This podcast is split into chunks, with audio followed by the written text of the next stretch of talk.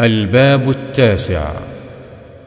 باب في التفكر في عظيم مخلوقات الله تعالى وفناء الدنيا وأهوال الآخرة وسائر أمورهما وتقصير النفس وتهذيبها وحملها على الاستقامة.